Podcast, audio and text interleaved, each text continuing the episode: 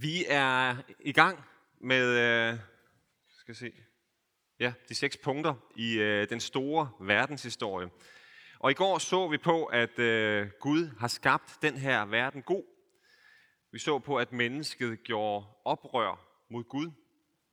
Og der, i dag skal vi så se på alle Guds løfter om at genoprette tingene efter oprørets ødelæggelser. Og vi skal se på, hvordan øh, de her løfter de har deres centrum i frelsen, i den frelse, som kun fås ved tro på Jesus. De her fire punkter, det er alle menneskers forhistorie, uanset om man tror på Jesus eller ej. I morgen så skal vi så se på nutiden, det vi kalder kirken, Kristi menighed her på jorden. Og øh, vi er nemlig sat her i verden for at pege bagud mod forhistorien og fremad mod det, der kommer, og det skal vi så også se på i morgen, nemlig genoprettelsen. Men nu skal vi øh, læse en tekst sammen, og det er fra Matteus evangeliet, det første kapitel, og lad os rejse os op og læse i Jesu navn. Matteus evangeliet kapitel 1, og versene 18 til 25. Matthæus 1:18. Med Jesu Kristi fødsel gik det sådan til. Hans mor Maria var forlovet med Josef, men før de havde været sammen, viste det sig, at hun var blevet med barn ved Helligånden. Hendes mand Josef var retsindig og ønskede ikke at bringe hende i vandry, men besluttede at skille sig fra hende i al stillhed. Mens han tænkte på dette, se, der viste Herrens engel sig for ham i en drøm og sagde, Josef, Davids søn, vær ikke bange for at tage Maria til dig som din hustru, for det barn, hun venter, er undfanget ved Helligånden. Hun skal føde en søn, og du skal give ham navnet Jesus, for han skal frelse sit folk fra deres synder. Alt dette skete, for at det skulle opfyldes, som Herren har talt ved profeten, der siger, Se, jomfruen skal blive med barn og føde en søn, og de skal give ham navnet Immanuel. Det betyder Gud med os. Da Josef var vågnet op af søvnen, gjorde han, som Herrens engel havde befalet ham, og tog hende til sig som sin hustru. Men han lå ikke med hende, før hun fødte sin søn, og han gav ham navnet Jesus. Amen. Værsgo sidde ned.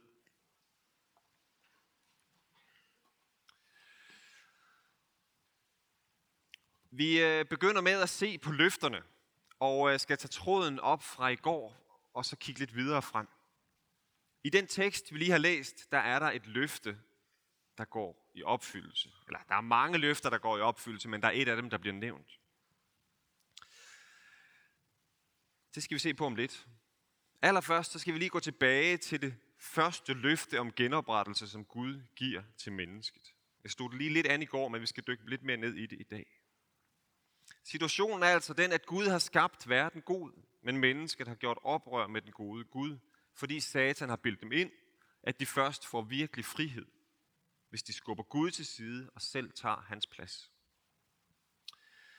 Men i stedet for at opnå det her højere niveau i tilværelsen, sådan som de troede, så førte oprøret til et fald ud af den frihed, som de var skabt til at leve i. Hvor de før kunne gå frit omkring i Edens have, bliver de nu smidt ud øst for paradis, hvor vejen tilbage bliver spærret. Oprøret mod Gud, det var en overtrædelse af det her forbud, som Gud havde givet dem. Og det er det, som Bibelen kalder synd. En overtrædelse af Guds bud. Eller at ramme forbi målet. Det vil sige ikke tænke, ikke sige, ikke gøre det, der er inden for skiven, men gå ud over Guds gode regler og rammer. Det var det, de havde gjort. Det er synden. Og den synd, den klæber nu til mennesket. Sådan at vi er gået fra paradisets frihed til et fangenskab i synden, som vi ikke, som vi ikke selv kan ryste af os. Men, for der er et, der er et kæmpe stort men i det her. Ikke sådan et men, der glatter synden lidt ud, som om det ikke er så alvorligt alligevel, og Gud ikke tager det så tungt. Ikke sådan et men, der accepterer det onde som et vilkår og siger, okay, så er det bare sådan, vi gør det fra nu af. Nej, der kommer et stort men, fordi Gud fortæller om en løsning på oprørets konsekvenser. Han fortæller om en løsning på ondskabens problem, inden han jager Adam og Eva ud af Edens have. Og ja, han jager dem faktisk ud, står der. For det, de har gjort, det er alvorligt. Og de har næppe haft lyst til at forsvinde eller komme ud af Edens have. Og ja, han elsker dem stadig som sine skabninger, selvom de har ødelagt alt det gode, som han har skabt til dem. Han elsker os mennesker så højt, som nogen overhovedet kan, for han er kærlighed. Og derfor kommer han med løftet om, at kvindens afkom skal knuse slangens hoved. Det er det første af utallige løfter, som Gud kommer med. Jeg nævnte det kort i går, men vil lige sige noget mere om det nu. Det første, vi skal lægge mærke til, det er, at det strengt taget ikke er et løfte. Øh, men det er derimod en dom over, eller en forbandelse over slangen, over satan. Og lad os prøve at læse det. Der står sådan her. Da sagde Gud Herren til slangen, fordi du har gjort dette, skal du være forbandet blandt alt kvæg og blandt alle vilde dyr. På din bu skal du krybe, og støv skal du æde alle dine dage. Jeg sætter fjendskab mellem dig og kvinden, mellem dit afkom og hendes. Hendes afkom skal knuse dit hoved, og du skal bide hendes afkom i hælen. Så det er en dom over Satan, men i og med, at Satans, øh, Satan forbandes, og det onde skal dømmes, så er det netop også et løfte i det. Løftet om, at det onde vil blive dømt og vil blive fjernet. Og der er to perspektiver i det her. Man kan sige, at der er det meget, meget brede perspektiv. Og det er, at Gud taler om både kvindens afkom, det vil sige alle mennesker, og om slangens afkom, det vil sige synden, døden og det ondes magt. De er der sidder med en bibel, I kan slå op i øh, kapitel 4, vers 7, der i første Mosebog. Og der får Kain netop at vide, at synden lurer ved døren. Der er et fjendskab mellem kvindens afkom, altså alle mennesker, på den ene side, og synden på den anden side. Sådan en vedvarende kamp, hvor synden lurer på, hvordan i alverden kan jeg få nogle mennesker til at falde. Og den der kamp, den kender vi alle sammen. Men det er sådan det brede perspektiv. Der er også et smalt perspektiv, hvor vi zoomer ind og ser på, hvor det her det har sit brandpunkt. Hvor det hele bliver samlet. Fordi der står, at slangens, øh, eller slangen vil bide kvindens afkom i hælen. Hvornår skete det? Det er faktisk sket. Det skete langt fredag. Dengang Jesus døde på korset, der så det ud som et slangebid, som en sejr over Jesus. Som om Satan havde vundet. Men slangens bid i hælen kunne ikke overvindes. Det kunne ikke overvinde Jesus. For med sin død, der, der overvandt han døden og djævlen. Og påskemorgen, der står Jesus op. Og hvad er der sket der? Jo, der er sket det, at slangens hoved er blevet knust.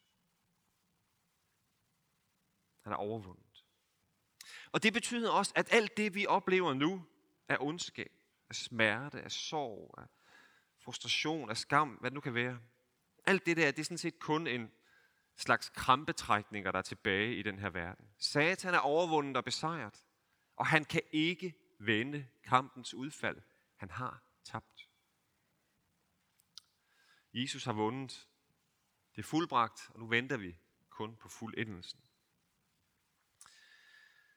Der er en gammel påskesang fra omkring år 600, som øh, vi også har på dansk. Den hedder Frydetonen går mod tronen. Og det er sådan en stor lovprisning til Gud, der sidder på tronen. En lovprisning til ham for hans frelse. Og her lyder det i et andet vers. Graven bæver, Jesus lever, han som for vores synd var død. Han har vundet, livet fundet, og hans sejr har endt vor nød. Knust er slangen, løst er fangen, slugt af noget helvedes glød. Slangens hoved er knust. Jesus har befriet os. Og så er der en ting mere, vi lige skal have fat i, i det her løfte, eller den her dom over satan, som så også er et løfte til os. Der er nemlig to steder i Johannes evangeliet, jeg har også lige noteret dem her, hvor Jesus taler til sin mor, Maria. Men han taler på en måde, som, som jeg samtidig har tænkt, er, er, det, er Jesus sådan lidt småirriteret, eller hvad er det lige? Jeg ikke kunne forstå, hvad det handler om. Men det er faktisk noget, der hænger rigtig godt sammen med den her dom over slangen. Det første sted, det er Johannes evangeliet, kapitel 2, vers 4, hvor Jesus og hans mor begge to er til en stor bryllupsfest i Kana. Og så står der sådan her, men vinen slap op, og Jesu mor sagde til ham, De har ikke mere vin. Jesus sagde til hende, hvad vil du mig, kvinde? Min time er endnu ikke kommet. Og videre i kapitel 19, vers 26, hvor Jesus hænger på korset og taler til dem, der står nedenfor. Der står sådan her. Da Jesus så sin mor, og ved siden af hende, den disciple, han elskede, sagde han til sin mor, kvinde, det er din søn. Og ved at kalde sin mor for kvinde, så trækker han tråde helt tilbage til Guds ord om, at kvindens afkom skulle knuse slangens hoved. Jesus er slet ikke irriteret. Men han bruger Jomfru Marias helt fantastiske titel, Kvinden, der fødte frelseren.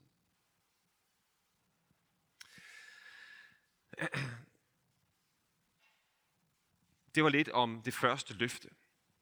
Så det er der, vi mennesker, vi står i udgangspunktet. Skabt af den gode Gud, faldet væk fra Gud, uden fællesskab med ham, på vej til afgrunden, men stadig elsket af ham, og stadig med løftet om, at han vil finde en løsning på det her problem. Og det er den løsning, der kom med Jesus. Og nu skal vi kigge lidt på det andet løfte. Det, som er i den tekst, vi læste til i dag. Vi læste sådan her. Alt dette skete, for at det skulle opfyldes, som Herren har talt ved profeten, der siger, Se, jomfruen skal blive med barn og føde en søn, og de skal give ham navnet Immanuel. Det betyder Gud med os. Og den profeti, som øh, Matthæus nævner her, det er en uh, profeti fra Esajas. Og uh, Esajas får den her profeti, mens kongen i Juda hedder Akas. Kong Akas var ikke nogen god konge. Han uh, tog en masse afgudstyrkelse ind. Han ombyggede templet, så det lignede et afgudstempel, han havde set og synes var lidt federe.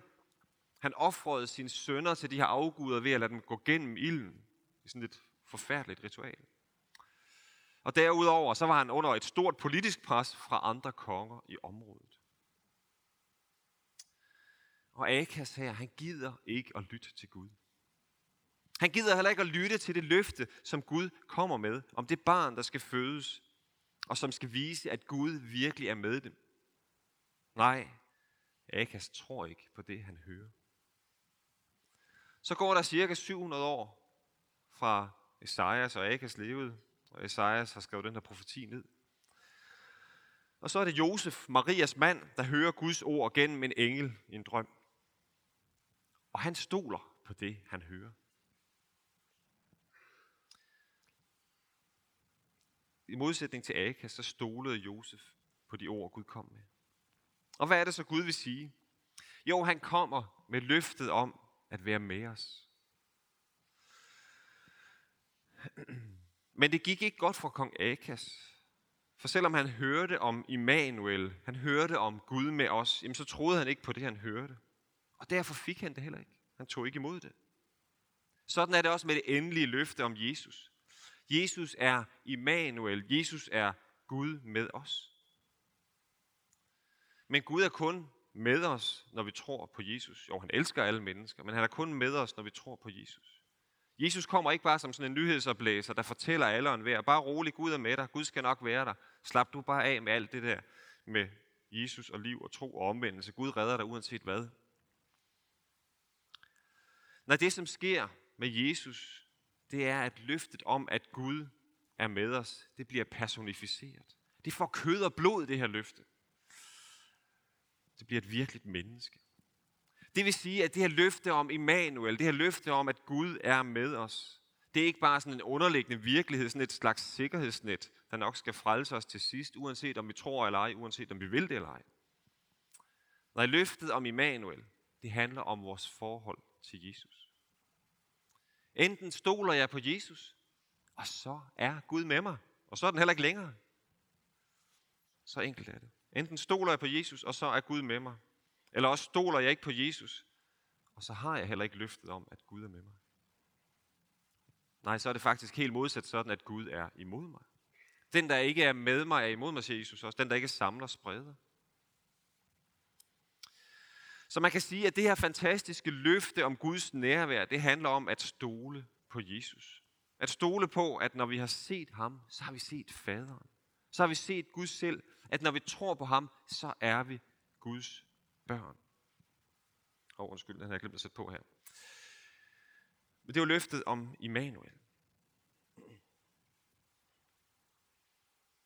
Og det, som er så vigtigt at få fat i her, det er, at der er kong Akas' tilgang, og så er der Josefs tilgang, når Gud taler.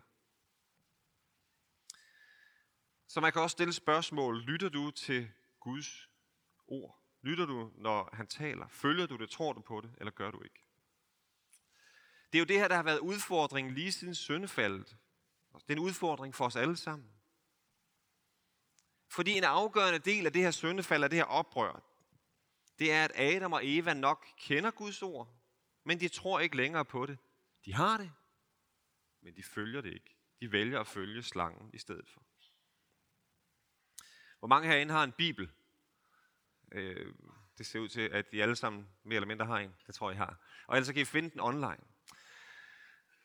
Og det er så godt at have en bibel, og det er jo fantastisk velsignelse i vores tid, at vi faktisk kan læse ind i vores del af verden. Det kan man rigtig, rigtig mange steder, men der er mennesker, der ikke kan læse, der er mennesker, der ikke har adgang til en bibel. Men hvor er det vigtigt, at vi også bruger den. Har du den, men uden at lytte til, hvad Gud siger til dig? Eller åbner du den, øh, åbner du den og hører du, læser du, hvad Gud har at sige? Her øh, lørdag aften til åbningsmødet, der hørte vi noget om, at den totale frihed ikke findes. Og en del af det her med den der totale frihed, som ikke findes, det er også, at jeg altid vil blive påvirket af andre. Jeg kan ikke være fuldstændig fri for andres påvirkning. Der er ikke nogen af os, der lever i den her verden, uden at blive formet, uden at blive skubbet i forskellige retninger af andre. Og uden at blive skubbet i forskellige retninger af det, vi hører.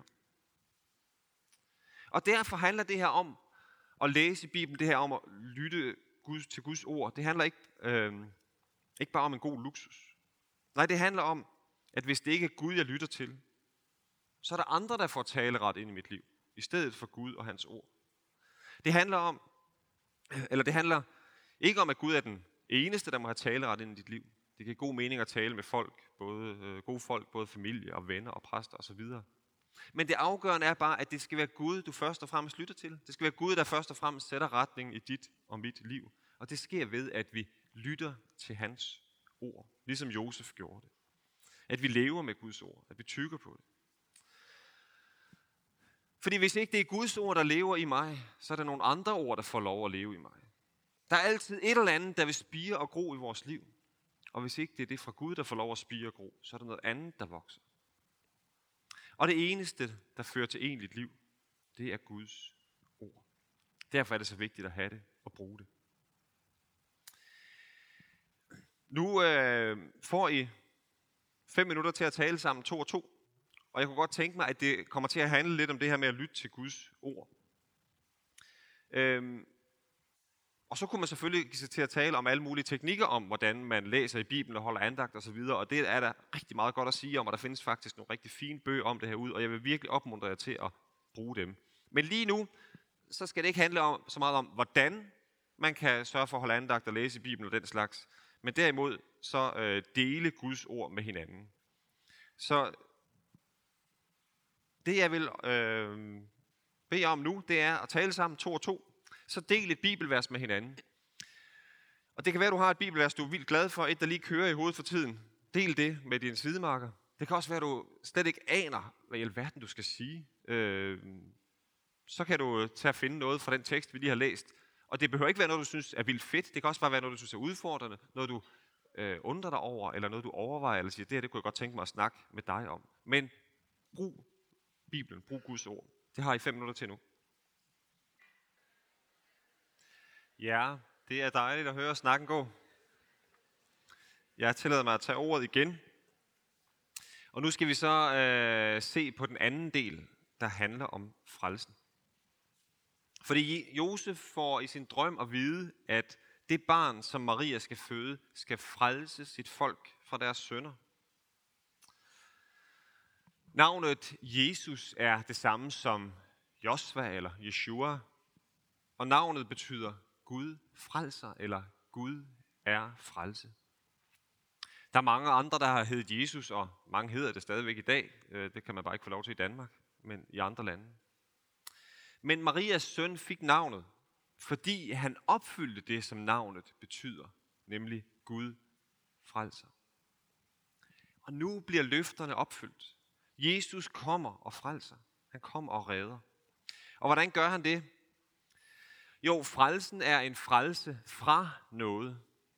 Det er en frelse fra synd, står der. Eller for at, være, eller for at bruge de ord, vi har været en del inde omkring. Vi bliver frelst fra oprøret. Vi bliver befriet fra oprørets konsekvenser. Synd, skam og skyld og død og rigtig meget andet møg.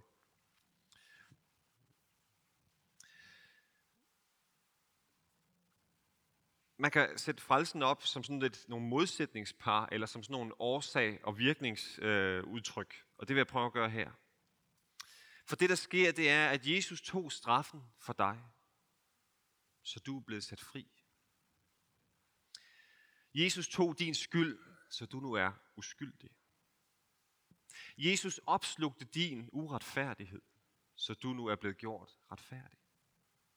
Jesus åd din skam, så du nu har god samvittighed. Jesus tog din syndighed, så du nu er hellig for Gud. Jesus fjernede fjendskabet, så du nu har fred med Gud. Jesus bar din synd, så du ikke længere selv skal bære den. Jesus blev fordømt for dig, så du nu er frikendt. Jesus gik ind under Guds vrede, sådan at du kunne få Guds nåde. Jesus gik i døden for dig, sådan at du nu har liv. Jesus opstod igen, for at du også skal opstå en gang. Jesus døde med synden, for at den ikke længere skal herske over dig. Jesus blev menneskebarn, for at du skulle blive Guds barn. Jesus blev fattig, for at du skulle blive rig. Jesus gav afkald på sin herlighed, for at du kunne arve Guds rige. Og sådan her kunne vi blive ved og blive ved med at udfolde alt det, som Jesus er og har gjort for os. Alt det, vi har, når vi tror på ham. Og, og det vil jeg også gerne give jer med som noget, I kan, prøve, I kan prøve at lægge mærke til, når I læser i Bibelen og taler sammen. Hvad er det, Jesus har gjort, som har forandret noget for dig eller i dig? Og her tænker jeg ikke først og fremmest på det, som vi oplever, som Gud gør i os. Det er jo i den grad helt fantastisk øh, at erfare, når Gud forandrer noget konkret i vores liv. Det synes jeg i hvert fald selv. Men her der tænker jeg især på de ting, som Jesus har gjort for os, og så har, som har forandret noget øh, for os eller i os. Uanset hvordan livet så går op og ned. Uanset hvordan vores følelser kan svinge. Uanset om man er træt eller frisk. Uanset hvad der møder os. Så er der noget, der bare står fast. Så er der det, Jesus er og har gjort for os. Det er så vigtigt at lægge mærke til det, som bliver ved med at gælde. Uanset hvordan livet udvikler sig. Altså, mit liv kan gå op og ned. Jeg kan være glad, jeg kan være trist, jeg kan være sur. Men Jesus tog stadig min syndighed, så nu er jeg hellig for Gud. Det er det, man kan kalde den objektive virkelighed. Den er ikke en erstatning for den subjektive virkelighed, for de erfaringer, vi har i livet med Jesus, dem har vi i høj grad brug for. Men det er i den her objektive virkelighed, der er hvile. Det er i den her objektive virkelighed, der er en fast grund at stå på. Paulus skriver i øh, begyndelsen af 1. Korintherbrev om, at vidnesbyrdet om Kristus er blevet grundfæstet hos dem. Nu hører de før noget om, at jeg har været murarbejdsmand. Og når nu man bygger et hus, så sørger man for at, at lave en ordentlig sokkel, som tingene kan grundfæstes i, sådan at det ikke øh, går i stykker eller blæser eller, væl, øh, eller vælter, hvis det stormer og der er orkan og sådan noget. Man fæstner tingene ned i grunden, ned i jorden, ned til det stabile. Og sådan er det også at være kristen. Der skal, vi grund, øh, der skal vidnesbyrdet om Kristus grundfæstes hos os. Det vil sige, at frelsen i Jesus, den er gået i hjertet på de her mennesker, som Paulus skriver til i 1. Korintherbrev. De har virkelig taget ordet om Jesus til sig. Det er grundfæstet hos dem. Og så taler Paulus bagefter om, at de også skal grundfæstes til det sidste. Det vil sige, at de bliver ved med at bygge deres liv på fællesskabet med Jesus som deres frelser. Det er ham, de holder sig til. Og her har jeg faktisk, faktisk lyst til lige at tage tråden op fra før, hvor jeg sagde lidt om det her med bibellæsning og bibel, bibelbrug, som jeg også lige har gjort her i øh, samtalepausen. Fordi god bibelbrug er nemlig også med til at holde os fast i den her objektive virkelighed. Vi har brug for Guds tale til os udefra, og ikke kun vores egne oplevelser indenfra. Igen, det er ikke modsætninger. Vi har brug for begge dele. Men vi, har, øh, vi skal virkelig holde fast i det, vi har uden for os selv, når livet går op og ned. Og så vil jeg altså også gerne komme med en helt konkret opfordring, som jeg håber, I øh, vil tage godt imod. Fordi når jeg er ude i forskellige kirker, og foreninger og missionshuse som taler eller som tilhører, så bemærker jeg en kæmpe stor forskel. Nogle steder, så er der rigtig mange, der har deres bibel med. Andre steder, så er der ingen eller meget få. Og jeg vil synes, det var så fantastisk, hvis alle vi, der har været på discipletræf i år, hvis vi fremover sørger for at tage vores bibel med til gudstjeneste og til møde, og selvfølgelig også til KFS. Og jeg ved godt, at det slet ikke er tradition alle steder, at man har sin bibel med. Og samtidig kommer bibelteksterne også op på storskærm. Jeg har faktisk bevidst fravalgt det lige af den her grund. Øh, eller man kan finde dem bag salmebogen. Men hvis man selv har sin bibel med, så får man altså en anden fortrolighed med Guds ord. Så ser man, hvor teksterne står, øh, hvad de hører sammen med, hvad der står før og efter. Og på den måde kommer Guds ord til at påvirke meget mere i hverdagen. Jo mere Guds ord bliver brugt, desto nemmere sætter det nemlig præg på tanker, på ord, på handlinger. Også når man tirsdag aften sætter varer på plads i Netto, eller sammen med sine kammerater, eller hvad man nu har gang i. Jeg håber virkelig, I er med på det. Tag Bibelen med til kirke, til møde fremover, så du kan følge med i Guds ord og høre Guds stemme bedre og bedre. Den her objektive virkelighed, som vi skal grundfæstes i, den er nemlig det aller, allerbedste udgangspunkt for at erfare Gud, for at leve med Gud. Det er på den her faste grund, vi kan opleve Gud, og både komme gennem de fantastiske glæder og oplevelser, og følges med Gud gennem mørket, gennem de svære tider. Så det objektive er ikke en modsætning til det subjektive, til den personlige erfaring. Men det objektive, det er grundlaget for livet. Jesus kom for at frelse os fra vores sønder, og så er alt godt.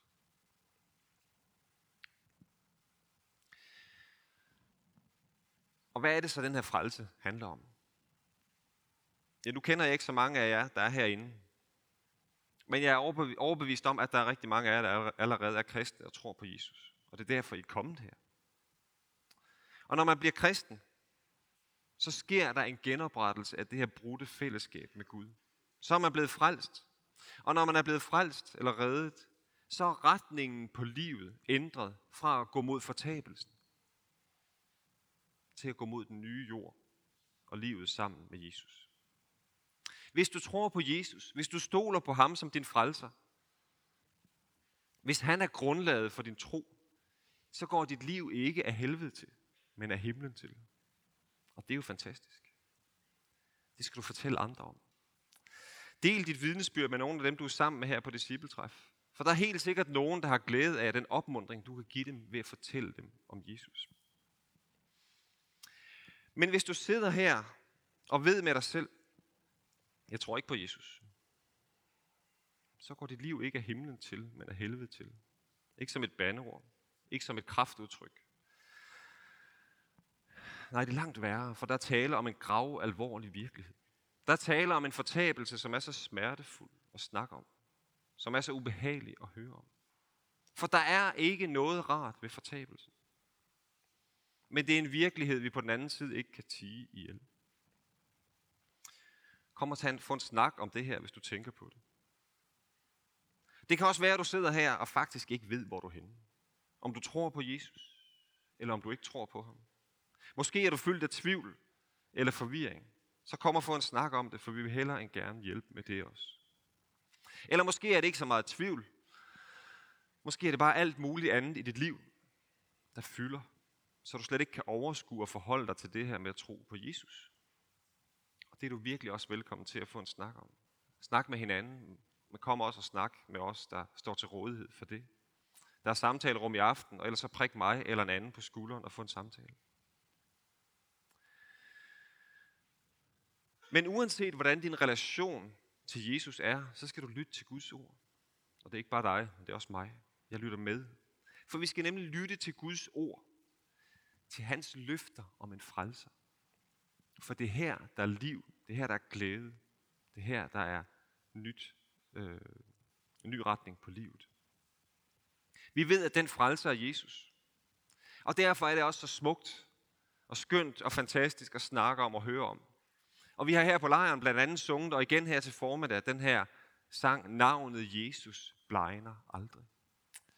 Og det er allerede ved at være en gammel sang, og jeg synes, det er så fedt, I har taget den med.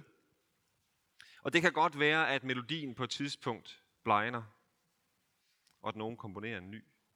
Det kan også være, at teksten på et tidspunkt digtes om og får en sproglig opdatering.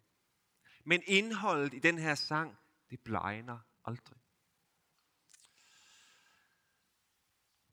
Indholdet går aldrig af mode. Indholdet bliver aldrig irrelevant. For Jesus blegnede en gang for alle, dengang han døde for os. Men han opstod igen. Han lever i dag, og han blegner aldrig mere. Hans navn blegner aldrig. Og derfor er det så godt at høre om ham. For han er grundlaget for din og min frelse. Og derfor bliver vi aldrig færdige med at snakke om Jesus, men bliver ved og bliver ved og bliver ved med at nævne ham og hans navn.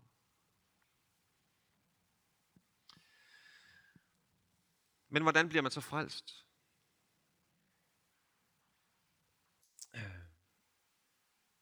Hvordan bliver man så frelst? Det er der måske nogen af jer, der sidder og overvejer. Og inden jeg lige siger en lille smule om det nu her til afrunding, så vil jeg gerne understrege, at hvis du er frelst, så skal du ikke frelses igen. Samtidig kan man måske få den der fornemmelse, i øh, nu sidder jeg og lytter til en prædiken om, at det er vigtigt at blive Guds barn. Men hvis du er Guds barn, så skal du ikke blive Guds barn igen. Så skal du leve som Guds barn. Det kommer vi lidt mere ind på i morgen. Men hvad nu, hvis man ikke tror på Jesus, og derfor ikke er Guds barn? Hvordan bliver man så frelst? Det kan være, det er aktuelt for nogen af jer, og det kan være, at I kender nogen, som ikke tror på Jesus. Hvis vi hopper lidt længere frem i Matteus evangeliet til kapitel 4, vers 17, så hører vi, at Jesus begynder at prædike. Nu er han blevet født, han er vokset op, og han begynder på sit virke som omkring 30-årig mand. Han begynder at prædike, og nu er han kommet for at frelse fra synd. Og hvad begynder det så med? Jo, det begynder med, at Jesus siger, omvend jer. Omvend jer og tro på evangeliet. Det her frelsen begynder med omvendelsen. Grundlaget for frelsen, det kommer i den her historie senere, hvor Jesus dør og opstår for hele verden. Men når vi som enkeltpersoner skal tage imod frelsen, så begynder det med omvendelsen. Og hvad er omvendelsen for en størrelse? Jo, omvendelse og tro hænger sammen og er sådan set to sider af samme sag. Hvis vi igen bruger de ord, vi arbejder med her, så kan man sige, at mens oprøret det er at gøre sig selv til Gud, så er frelsen at omvende sig og tro på Jesus ved at bøje sig for ham og sige, Jesus, du er min Herre og min Gud. Mens oprøret det er at stole på sig selv over alle andre, så er omvendelsen at stole på Jesus i stedet for at stole på sig selv. Og det er helt fantastisk. For det betyder også, så handler det ikke om forstand, om klogskab og indsigt, om viden. Derimod så handler det om tillid. Hvordan bliver man frelst? Hvordan bliver man en kristen? Det bliver man ved at have tillid til Jesus. Det er nemlig det, man har, når man tror på ham. At tro på Jesus, det er at have tillid til ham. Eller at tro på Jesus, det er at komme til ham. Det er at komme til Jesus. Og det her med at komme til Jesus, det er også et rigtig godt billede på at have tillid til ham.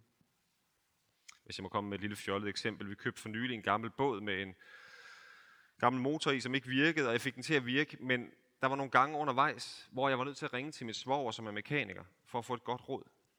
For jeg kom til ham, der kunne hjælpe mig med mine udfordringer. Fordi jeg havde tillid til, at han faktisk kunne hjælpe mig.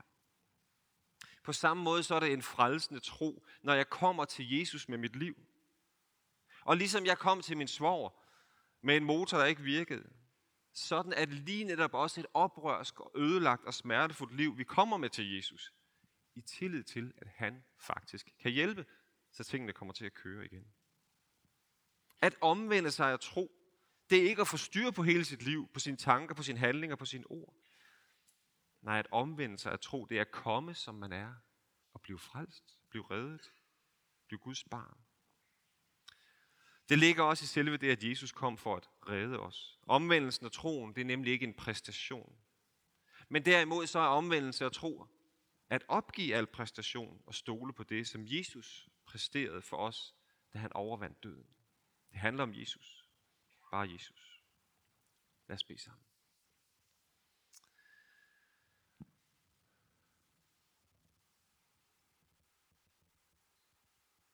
Far i himlen, tak for, at du, som vi øh, også sang lidt om før, har sendt dit lys og din sandhed. At du har opfyldt den bøn. At dit lys og din sandhed kom i Jesus. Og der hvor, der, hvor Jesus får lov at være, der er dit lys. Der er din sandhed.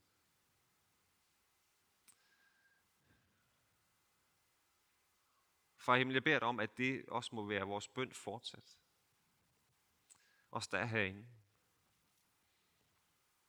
At du sender dit lys og din sandhed over os hele tiden. At vi vandrer i dit lys. At vi vandrer med Jesus. Tak, Jesus, at du kom for at redde os fra fortabelsen, fra synden, fra oprørets konsekvenser, fra alt det møje, vi kender til. Både ude for os selv, uden for os selv og inde i os selv. Og tak, Jesus, at du lever i dag. Og du virker med din ånd. Vil du øh, holde os nær hos dig? Gør os glade i troen på dig. Vil du stå tydeligt og klart for os, Jesus? I dit eget navn.